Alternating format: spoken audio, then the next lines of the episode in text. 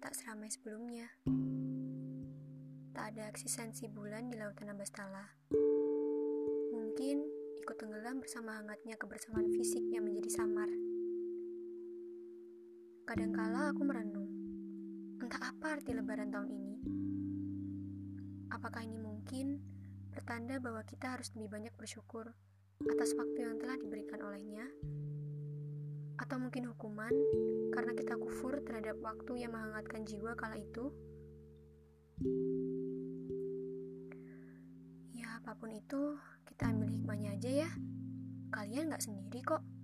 Masih banyak orang di luar sana yang bahkan tidak akan pernah bisa memeluk seseorang, bersimpu di atas kakinya, bahkan mencium punggung tangan rapuhnya.